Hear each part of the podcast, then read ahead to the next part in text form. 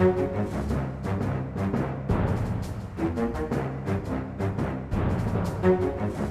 er vi i gang med tirsdagens eh, Aftenpodden USA.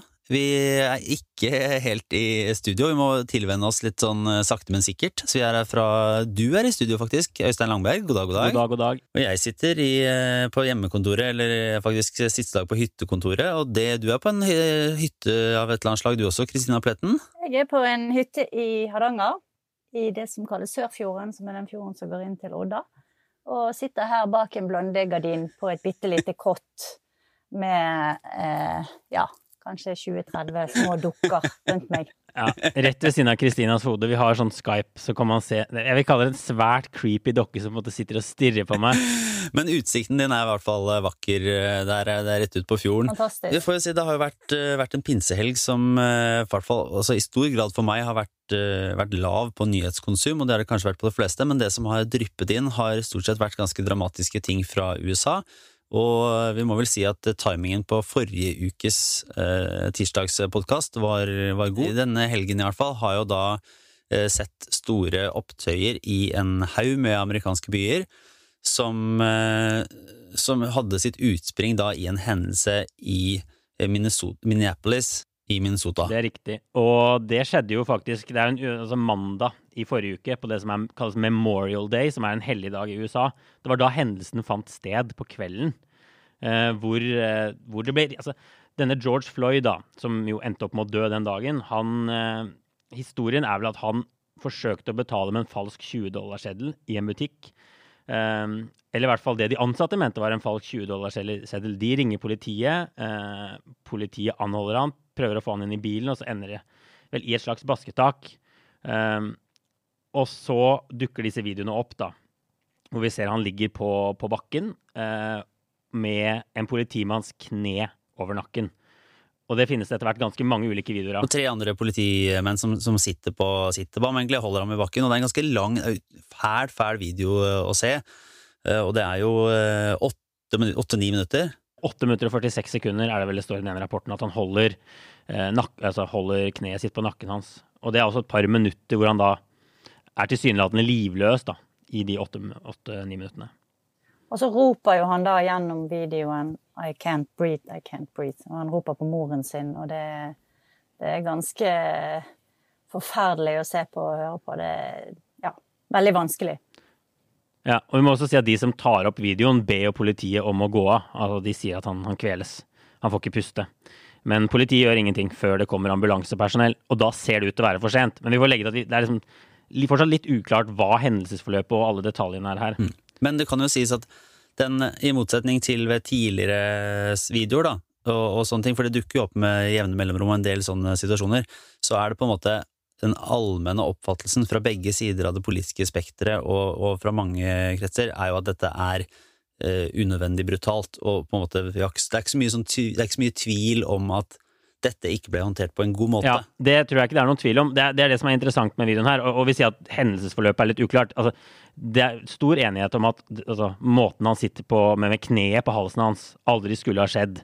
Eh, og det er jo til og med Trump fordømmer jo dette drapet, eller ja, måten politiet har håndtert ham på, har selv Trump vært kritisk til. Så det er på en måte tverrpolitisk enighet om nærmest over hele USA. Også i spørreundersøkelser så virker det som folk flest synes dette var veldig brutalt. Og han er jo tross alt sikta for, eh, for uaktsomt drap, han politimannen. Og alle de fire som var involvert, fikk sparken dagen etterpå.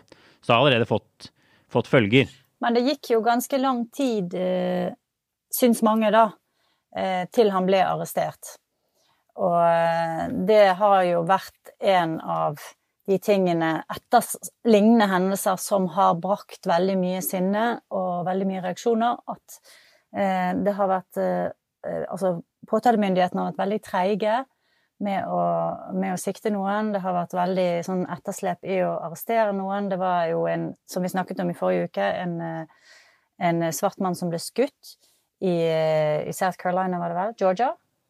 Georgia. Georgia som der ingen ble arrestert for eh, å ha skutt og drept han. Så det, det, er jo et av de elementene som jeg tror gjorde at dette her tok som fyr. da. At, eh, at, man fryktet at igjen går politiet fri, ingenting skjer, og liksom life goes on etter at noe så forferdelig har skjedd. Ja, og i, i Georgia, den saken i Georgia ble jo, fikk jo først eh, følger for disse, disse, folka. Det var ikke politi, men det var jo noen som hadde skutt, skutt en fyr. De trodde det var en innbruddstyv som, som ser ut som vært på en løpetur. Og, og, den fikk jo følger først da videoen dukka opp, og da mediene satte søkelys på det. Og spørsmålet er jo hva som ville skjedd med denne Minnesota-saken hvis vi ikke hadde tre-fire sånne videoopptak. Da har etter hvert dukka opp ganske mange videoer og det voldsomme mediepresset, som du sier, så tok noen dager De fikk sparken ganske raskt, men tok noen dager før det ble tatt ut tiltale og etterforskning. Så slår den, jo, den slår jo litt sånn ekstra sterkt, fordi det var jo en sak i New York for noen år siden med han altså Eric Garner, som, ble, som, ble, som døde i et såkalt sånn chokehold, altså et sånn, et sånn politigrep da, som nå etter hvert er blitt forbudt i noen, noen steder, men som, som, dreier seg om med å ja, altså et sånt kvelertak, da. Eh, der han også sa nettopp det ordet, altså I can't breathe jeg får ikke puste, og det har jo blitt et Det ble jo et slags slagord og en, eh, en, hashtag, om vi vil kalle det, i etterkant av den saken, og så ser man det igjen eh, sagt av en mann som faktisk dør, så, så er jo den det, det, er jo et eller annet med at det, de oppgjørene som har vært tidligere, og det her har vært en prosess, og det har vært demonstrasjoner om det her tidligere, kanskje, kanskje særlig fra 2014, da det var en en rekke saker som også blir filma, eh, der det har vært demonstrasjoner og ting skjer, og så skjer det på nytt, og så har man på en måte ikke kommet noe videre, da, sånn som, sånn som vi kan se på det, eh, på så lang tid, og så eksploderer det, om man kan kalle det Men er det, noen, er det noen grunn til at det skjer akkurat nå, at denne saken dukker opp? For det er jo ikke få politivoldssaker altså, i USA. Jeg tenker det er noe med det bildet av denne her eh, hvite politimannen som sitter der med Han har vel hånden i lommen og sitter liksom og ser ut i luften og, eh, og med kneet på nakken til denne her eh, mannen da, som ligger på bakken, og, og hele, det, hele, det, bildet er så sterkt. Og det er liksom altså Ikonisk er vel ikke Det er vel helt feil ord, men det er, det er noe sånn veldig sånn eh, Det er en høyere himmel, da, en større, en, en større sammenheng som det bildet snakker veldig til. Og når man ser det fra en annen vinkel, så ser du jo da alle disse politimennene som sitter med knærne og trykker denne mannen bokstavelig talt i bakken.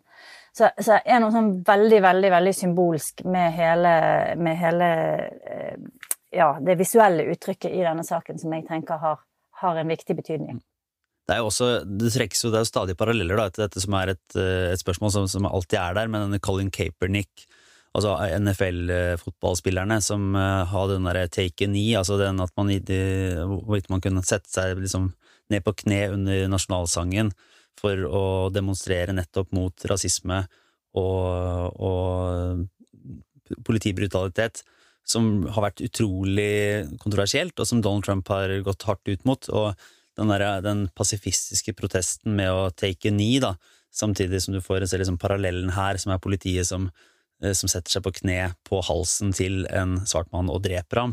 Det er jo noe som eh, Ja, du trenger ikke å leite etter symbolikk for å, for å se at, den, eh, at det kan, kan, trekkes opp. Men det har jo allikevel blitt mye større enn det tilsvarende saker har ført til tidligere. Altså de, de dagene her. Nå har det jo dukka opp i en rekke byer og, og veldig mange steder med enorm, enormt engasjement. Altså hovedsakelig, det som alt sier, store, fredelige demonstrasjoner Eh, men også med mye vold og, og mye, mye, trefninger da, med, mellom politi og altså, jeg, jeg, tror det, altså, Hvorfor det har tatt av nå? Jeg tror dere er helt rett i at det er noe spesielt med den videoen. Den er liksom veldig detaljert, veldig lang, veldig brutal. Mm, man oppfatter jo at alle rundt forstår hva som er i ferd med å skje, men politimennene bare nekter å høre på dem. Så det er en sånn dramaturgi som er sånn fryktelig. Så den videoen slår nok litt hardere i seg selv enn en del av de andre videoene som, som verserer der ute. Men jeg, men jeg tror også Eh, den tiden vi nå er inne i, denne våren, kan være med på å spille en rolle. Jeg ser en del eksperter snakker om at, at sånne ting eh, ofte er mange faktorer som bidrar til at noe blusser opp så voldsomt. Og da kan man også se for seg noe av det vi var inne på i forrige uke, koronaviruset. Um, for det første så har det jo ramma svarte i større grad enn hvite. Man ser at det, det har ikke vært en sånn som rammer alle likt likevel. Det har slått veldig hardt i noen miljøer. Og så er det jo 30-40 millioner amerikanere nå som er uten jobb og har en veldig usikker fremtid, og mange som er hjemme og ikke har så mye å gjøre, og helt sikkert er sinte og frustrerte, og ingen vet hva de neste månedene vil bringe. Uh, og det er, ja, det er, ikke utenkelig at det har vært med på å fyre opp stemningen nå. Og mange har sittet inne lenge. Vi har disse andre sakene vi snakket om, hvor man ikke har fått vært ute og demonstrert. Uh, og nå er det plutselig en mulighet for å få utløp for all denne frustrasjonen. Så jeg tror det har noe med saken å gjøre. Ja, altså Det er mulig at det, det er bare en teori, men du har også sett, det du har sett av demonstrasjoner i det siste, har jo vært sånne eh, mer eller mindre paramilitære, eh, høyreorienterte grupper som har vært og, og, snakket om at de skal få, altså få slippe koronatiltak, og stått opp med våpen, og på en måte har vært en ganske sånn provoserende stil som også jeg ville tenke at gjør at eh, demonstranter på andre sida som tenker at ok, hvis de kan stå inne i en politisk bygning med automatvåpen, så må vi kunne ta gaten og, og, og demonstrere for det vi mener er viktig. Men si, det som kanskje har fra et eh, litt sånn doven pinsehelg i Norge, da, og med den offentligheten vi har, og, og det politiet vi har, så må jeg si at det har vært ganske sjokkerende å se en del av de videoene som har vært av politiet og den skal si, den makten og liksom voldsmakten de har når de går inn og møter dette her. Og det, det, er jo en sånn situasjon der det er veldig vanskelig å vite det hele bildet og hvordan det henger sammen, men når du ser de eh, tropper opp i sånn formasjon og brøyter seg vei og, og bruker tåregass og gummikuler og eh, går inn i det her, så ser det jo Eh, ser det jo ut for meg da, som at det ikke er en sånn deeskalering, men en ganske hard opptrapping av de sammenstøtta. Politiet i, i, USA har jo tidligere eh, blitt kritisert for å være militarisert. Eh, det var mye diskusjon om det rundt opptøyene i Ferguson for noen år siden, eh, da det også var en, eh, en ung, svart eh, gutt som ble drept av politiet. Og da kom det jo frem at uh, politiet har mottatt mye sånn militært utstyr. De, de bruker uh, både våpen og uh, skjold, og, og, hadde fått noen tanks, tror jeg, fra, fra militæret som de, som de, ville bruke i enkelte sammenhenger. Så, så det, det, har, det, har, de siste tiårene skjedd en, en militarisering av politiet. og i deler av både militæret og politiet og andre, kan du si, eh, folk som jobber innenfor den type sikkerhet og og samfunnstjeneste, da, så har det også skjedd en, en radikalisering. Det har dukket opp organisasjoner som verver eh, politimenn og veteraner fra militæret og sånne ting, til et slags sånn borgervern som er alliert med grupper på ytre høyre. Eh, jeg har, jeg har, vært ute og møtt med noen av de folkene ved flere anledninger, og det er, eh, det er helt tydelig at uh, noen er uh, Altså, det, det, har skjedd noe der, da, med politiet og militæret som uh, det, har, det har styrket båndene til disse her paramilitære gruppene og til høyreekstremister. Og dette gjelder langt fra alle politimenn, men det, men det er en connection der. Og jeg husker også jeg så meningsmålinger før valget i 2016, og det var noe sånn som 70-80% av politimennene var Trump-supportere. Så, så det er Det har skjedd et eller annet i måten politiet ser på seg selv og ser på sin rolle i samfunnet, som, som kanskje også har vært med på å bidra til at disse spenningene har økt istedenfor å, å, å, bli, å bli mindre, da. Men her, her, ligger det jo i, eh, egentlig i samtalen og i det som har vært av demonstrasjoner, så ligger det jo et premiss om at uh, politiet er uh, Eller det store deler av politiet opptrer på en rasistisk måte, eller at det er at dette går hardere utover afroamerikanere enn andre. Hva vet man om, om, grunnlaget for å si det når det gjelder, eh, gjelder dødsfall, som følge, dødsfall, som følge, av, av politiets inngripener, egentlig? Er det, er det, en, helt, er det en reell problemstilling? Det, er definitivt en reell problemstilling. Uh, politiet i USA dreper Det er jo litt sånn ulike måter å måle på, og litt ulike definisjoner. Hva er et, polit, altså et drap begått av politiet uh, hvis du dør etterpå? Hvem hadde skyld i det og sånn, men, men eh, både Washington Post og et annet sånt prosjekt som heter Mapping Police Violence, setter det tallet til litt over 1000 i året som blir drept av det amerikanske politiet. Og det har vært ganske stabilt siden 2013, så det er lite som tyder på at de der, veldig mange av disse tiltakene, eller noen av de tiltakene som har blitt satt inn, virker. Men det man også ser, er det man ser på mange områder, at, eh, at svarte har en eh, større risiko for å bli drept av politiet enn hvite. Vesentlig større risiko, over dobbelt så høy, siden 2015, ifølge ifølge Washington Post. Og de er selvfølgelig overrepresentert i amerikanske fengsler også. Det er flere svarte enn hvite som sitter i amerikanske fengsler, enn av svarte utgjør 10-11-12-13% av befolkningen bare. Så det er jo bakteppet her, ikke sant. Så skal vi huske på også at politiet eh, jobber i et samfunn som er hypervoldelig, og veldig mange av de eh, det, det, er veldig mye narkotika, det er veldig mye våpen, det er mye sosiale problemer. Så det er klart at politiet også, til, om ikke til deres forsvar, så i hvert fall som en, en forklaringsmodell, så er de også selvfølgelig eh, utsatt for en helt annen type angrep og en helt annen type trusselsituasjoner enn f.eks. norsk politi er til vanlig. da. Så de, de, lever i en, en, annen virkelighet også enn de fleste andre amerikanere eh, gjør. Jeg de Jeg har vært med politiet noen ganger eh, på, på jobb og vært med de på vakt og sånne ting, og det er De frykter jo for livet sitt hver eneste dag.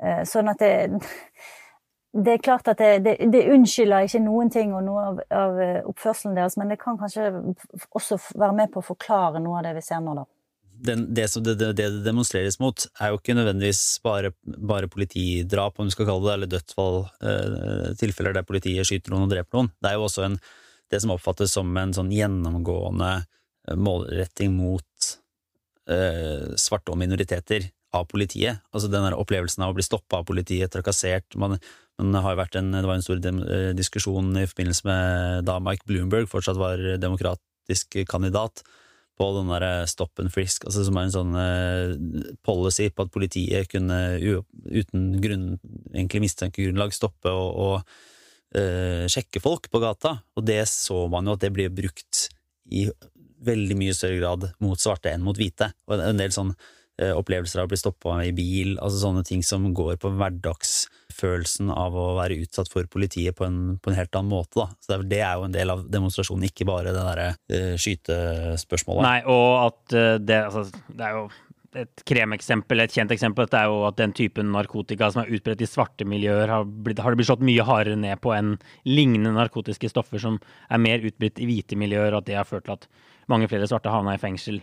Det er jo veldig mange sånne eksempler som, som er en del av, del av, debatten i USA. Men som du sa i stad, Lars, altså nå er det sånn at hver gang du logger på Twitter, så er det en ny video av et eller annet drøyt politi gjør. Det er kanskje fem nye videoer. Og vi mangler ofte konteksten. Vi så disse bilene i New York som, som, gasser på inn mot en folkemengde for å skremme de unna. Eh, det er masse sånne eksempler. Politi som går gjennom gater og skyter sånn paintball-aktige kuler på folk for å få det inn. Eh, men det er ingen tvil om at disse videoene i hvert fall bidrar til å på en måte piske opp stemningen nå, da. Selv om, selv om politiet kanskje gjør rett noen steder, eh, så er det jo bare sånn som får folk ut i gatene på nytt når de ser de. Altså, vi er inne i en negativ spiral, sånn det ser ut nå. I en uh, liten uh, meldingsutveksling her i forkant av den podkasten, så uh, omtalte jeg situasjonen litt sånn skrått som en, en apokalypse.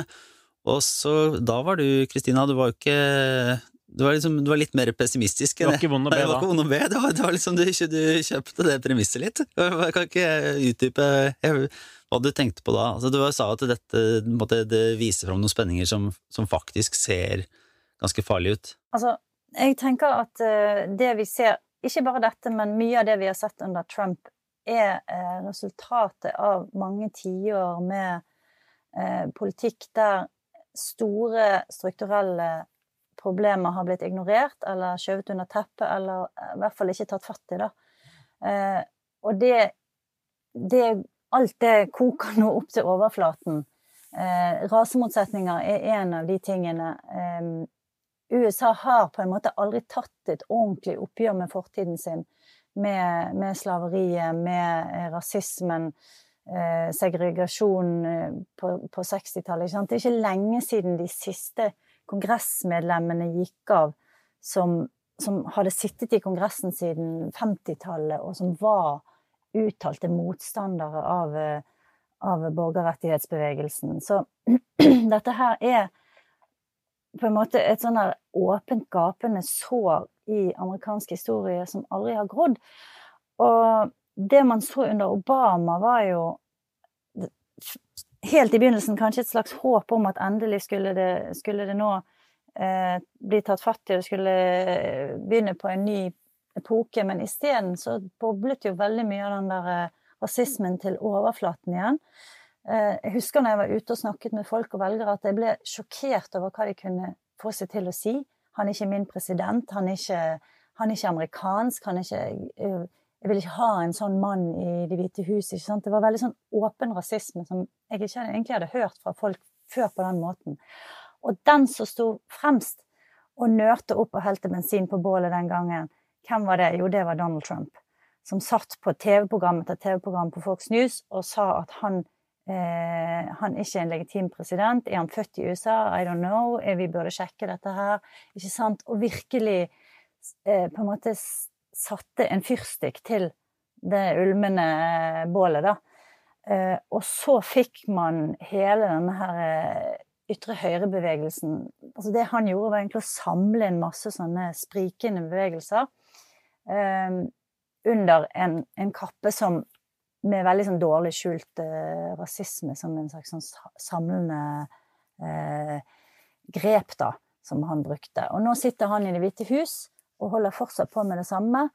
Og jeg tenker at hvis ikke de eh, tar fatt i, i, i, disse her store problemene sine, både rasisme, men også sant, økende ulikhet, helseproblemer som vi har snakket om, helsesystemet før, så, eh, så står USA, etter min mening, da, på et eller annet tidspunkt i fare for å havne i en borgerkrig, eller virkelig noe sånn grunnleggende eh, eksistensiell krise, altså.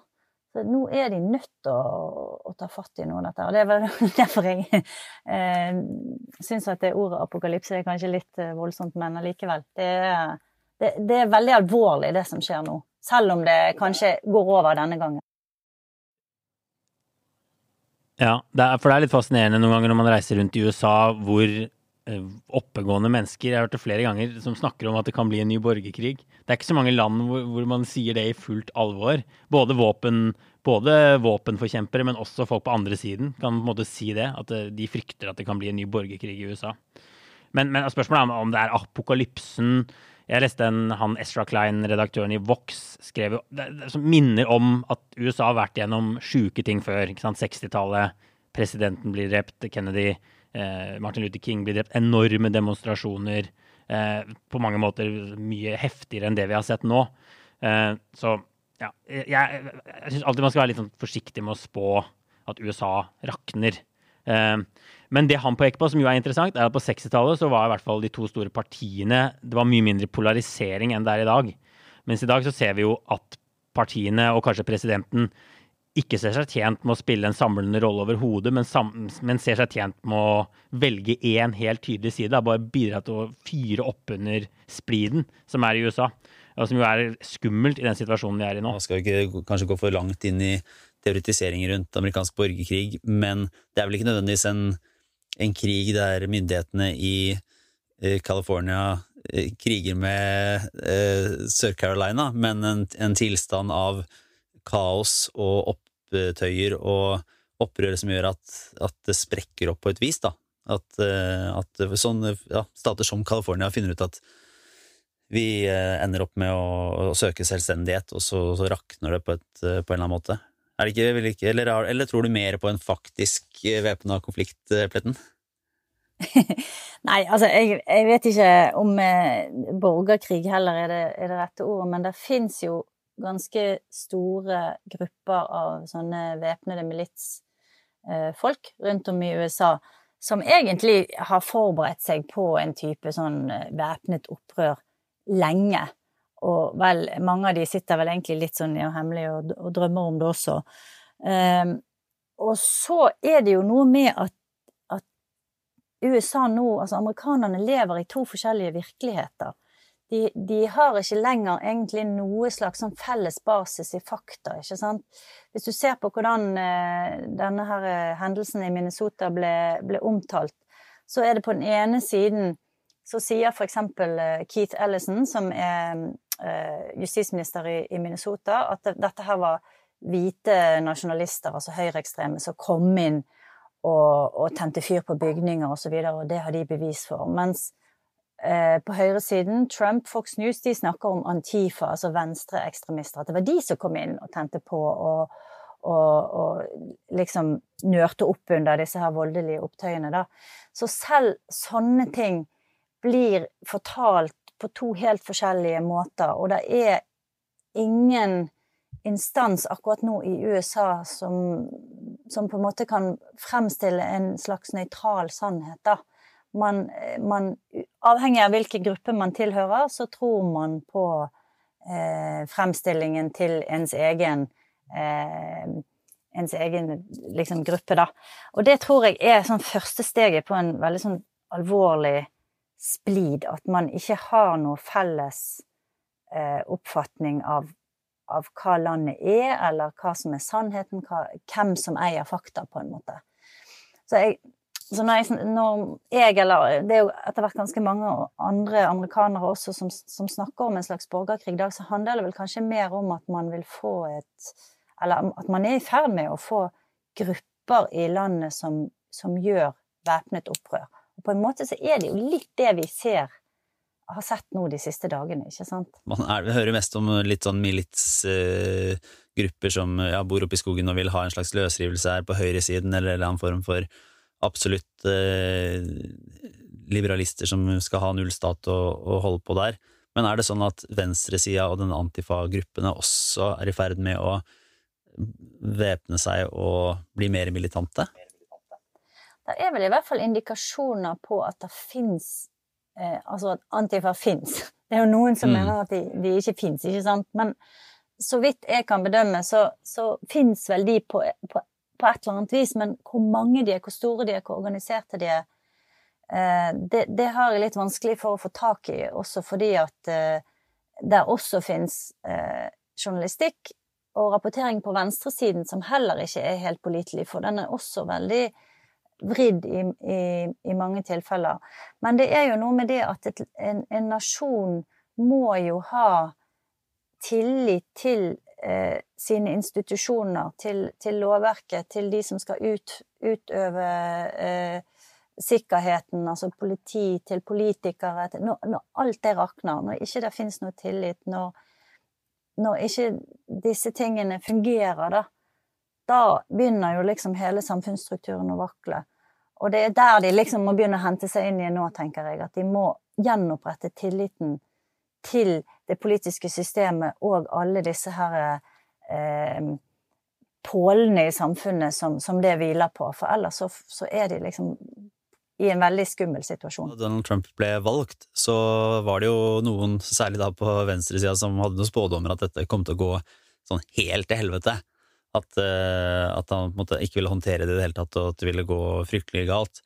Og så har vi jo hatt uh, tre år da, der det der det på en måte har gått sin Om ikke akkurat vante gang, men det har jo det har vært mye sånn Det har vært mange debatter om retorikk og politisk kultur og, øh, og på en måte dysfunksjon, men det har jo ikke vært en sånn dramatisk twist til kaos og, og fullstendig sammenbrudd.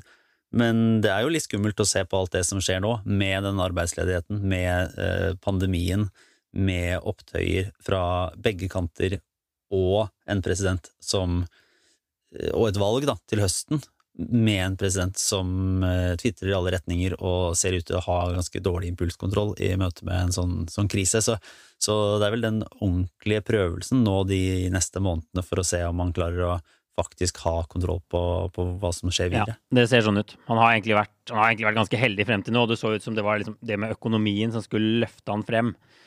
Uh, og det er jo fortsatt sånn at en god del amerikanere har tro på at Trump kan håndtere økonomien bra.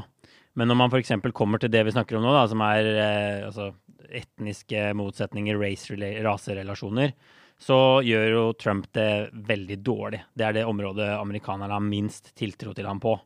Uh, så en sånn Hugo-måling nå, så da svarer 53 av amerikanere at de mener Trump er en rasist. 37% mener at han ikke er det.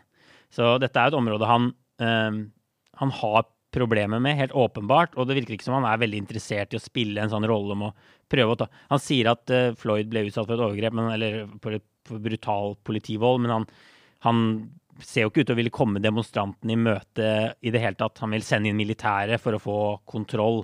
Uh, lov og orden var det han gikk til valg på uh, i 2016, og det virker som han prøver liksom å bygge opp noe lignende, en lignende retorikk igjen. Eh, men spørsmålet er om det vil fungere. Han sitter jo tross alt i Det hvite hus. Han er mannen som har ansvar. Hvis det er kaos gjennom hele sommeren og utover høsten, så, så det er mye vanskeligere å, ja, å love at du skal gjenopprette lov og orden hvis du er egentlig mannen med ansvaret. En av de tingene som jeg tenker har eh, holdt USA veldig sånn stabilt tross alt, da, er jo den ordningen de har med De har den føderale staten, men så har de også veldig sterke delstater med sine egne regjeringer, hvis man kan kalle det det. Eh, men også under koronakrisen så har man jo sett at det har begynt å knirke, ikke sant? Fordi at Trump har vært i direkte konflikt med mange av guvernørene. Og han har spilt de ut mot hverandre, de har måttet eh, overby hverandre for, for sånn eh, smittevernutstyr. smittevernsutstyr. Og har, han har på en måte også begynt å, å, pirke litt bort i det der som, som har vært en av sikkerhetsventilene til USA, da, ikke sant, som er at de har et veldig sånn sterkt eh, De har et veldig sånn sterkt system helt fra grasrota og opp til toppen, som, som skal, er designet for å være veldig vanskelig å velte. Og det tror jeg fortsatt det er, altså bare for å ha det sagt. Men, eh, men jeg tenker at eh, Trump har brukt mye krefter på å underminere det, system, det amerikanske systemet også på, på, områder som kanskje ikke har fått så mye omtale. Da. Han har bygget ned mye eh, institusjoner, han har trukket ut USA ut av masse internasjonale avtaler, og han har egentlig også gjort masse sånne ting som har bygget ned tilliten til staten og bygget ned byråkratiet uten at det har fått så mye oppmerksomhet. Så eh, den som eventuelt kommer inn etter han nå, eh, hvis han blir stemt ut i november, vil få en ganske stor jobb med å bygge alt dette her opp igjen. Jepp. Ja, da tror jeg vi tar en eh, liten runde med obligatorisk refleksjon ja, før, vi, eh, før, vi, runder av og følger det her videre. Eh, Øystein, hva, hva har du å, å, tenke på, bortsett fra, bortsett fra mulig borgerkrig i USA? Jeg skal prøve å komme meg tilbake til USA snart, så det er jo. Det blir spennende tider, det. Nå er det jo både sånn portforbud og karantene, så det er bare å å bunkre seg inn i leiligheten. Og får se om vi slipper inn først. Nei, jeg tenkte litt på det du snakket om i forrige uke, om denne hendelsen i Central Park, egentlig. Med denne afroamerikanske fugletitteren.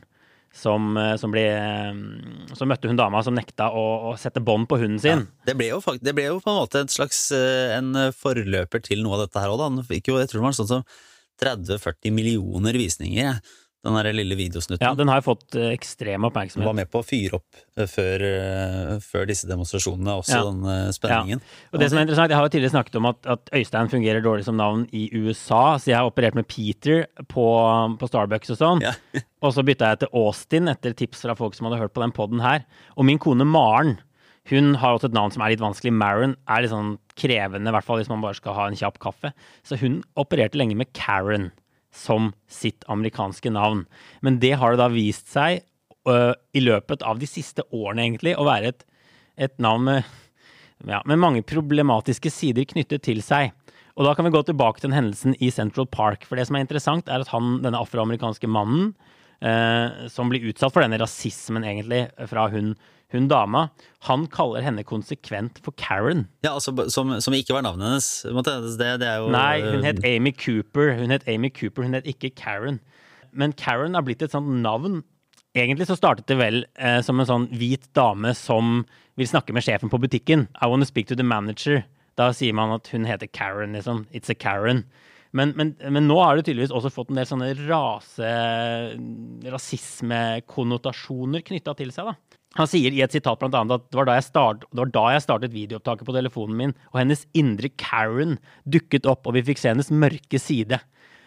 Og denne fugletitterens søster kaller henne også like, When Karens Walk in the Park. Som en sånn hvit, hvit rasistisk dame. Det dreier seg om altså, på en måte hvite kvinner som uh, opplever seg selv som Eller som er privilegerte, og kanskje ikke oppfatter seg som det, men har en en form for eh, sånn uh, følelse av berettigelse ja. i alt Problemat, det det eller entitled white woman, kalte New York Times det. Sånn, sånn, ja, berettiget til privilegier, hvit kvinne.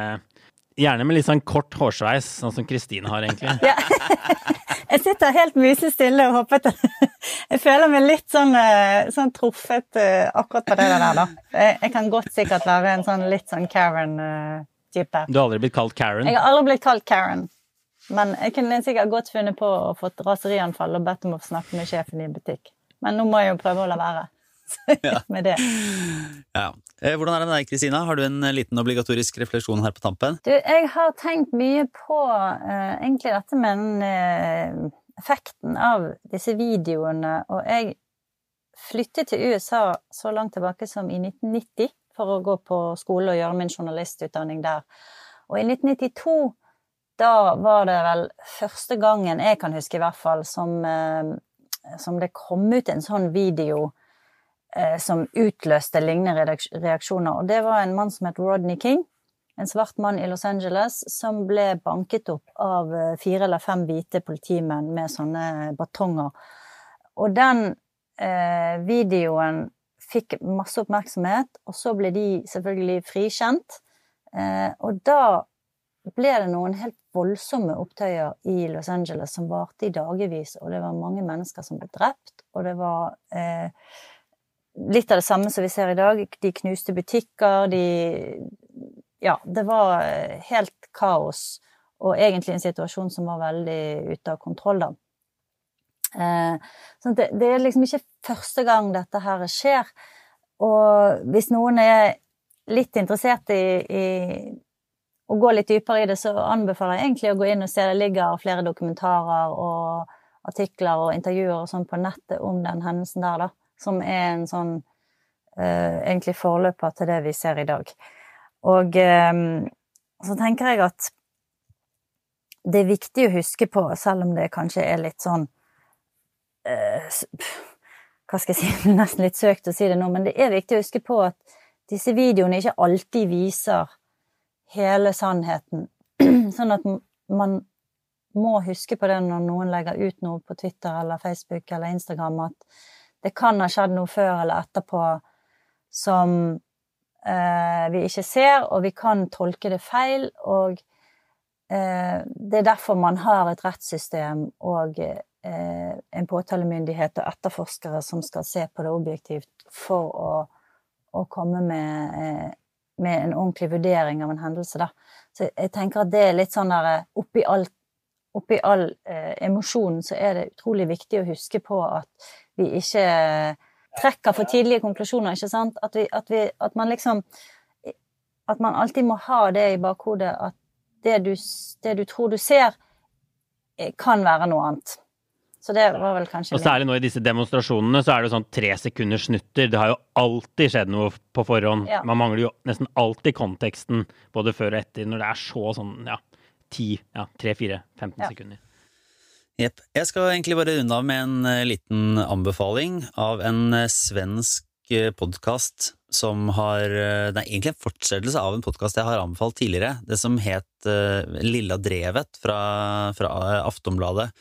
Eh, Så er det en som heter Ola Söderholm som lager en ukentlig, ukentlig podkast som er, på- det er litt sånn svensk politikk og samfunnsliv, og de er jo egentlig komikere, men de har ofte ganske interessante resonnementer og egentlig mye god, god satire og tankevekkende ting, da. Og nå har de nå en, eh, en, ganske, en fin stim i koronakrisen sett fra Sverige med litt eh, skrått blikk, men med veldig, veldig gode referanser og veldig gode eh, Altså, de har en ganske intellektuell tilnærming, da. Så Stormens utvikling, de hadde blant annet en noen tanker og en, eh, noen argumenter om hvordan svenskene, litt sånn på grunn av den gode, gamle folkhemstradisjonen og en sånn konsensusorientering, eh, velger å sette systemet over, over menneske, enkeltmenneskets eh, verdi, da, fordi man er så opptatt av å gjøre ting riktig og finne en, den beste måten å gjøre noe på,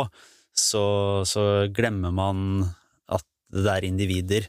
Og så havna de for øvrig da i en ganske stor kontrovers av Ola Søderholm, eh, fordi han påpekte at en del av de som har hatt innvendinger mot den svenske tilnærminga til koronapandemien, har innvandrerbakgrunn, og blant annet flere som har hatt jødisk bakgrunn.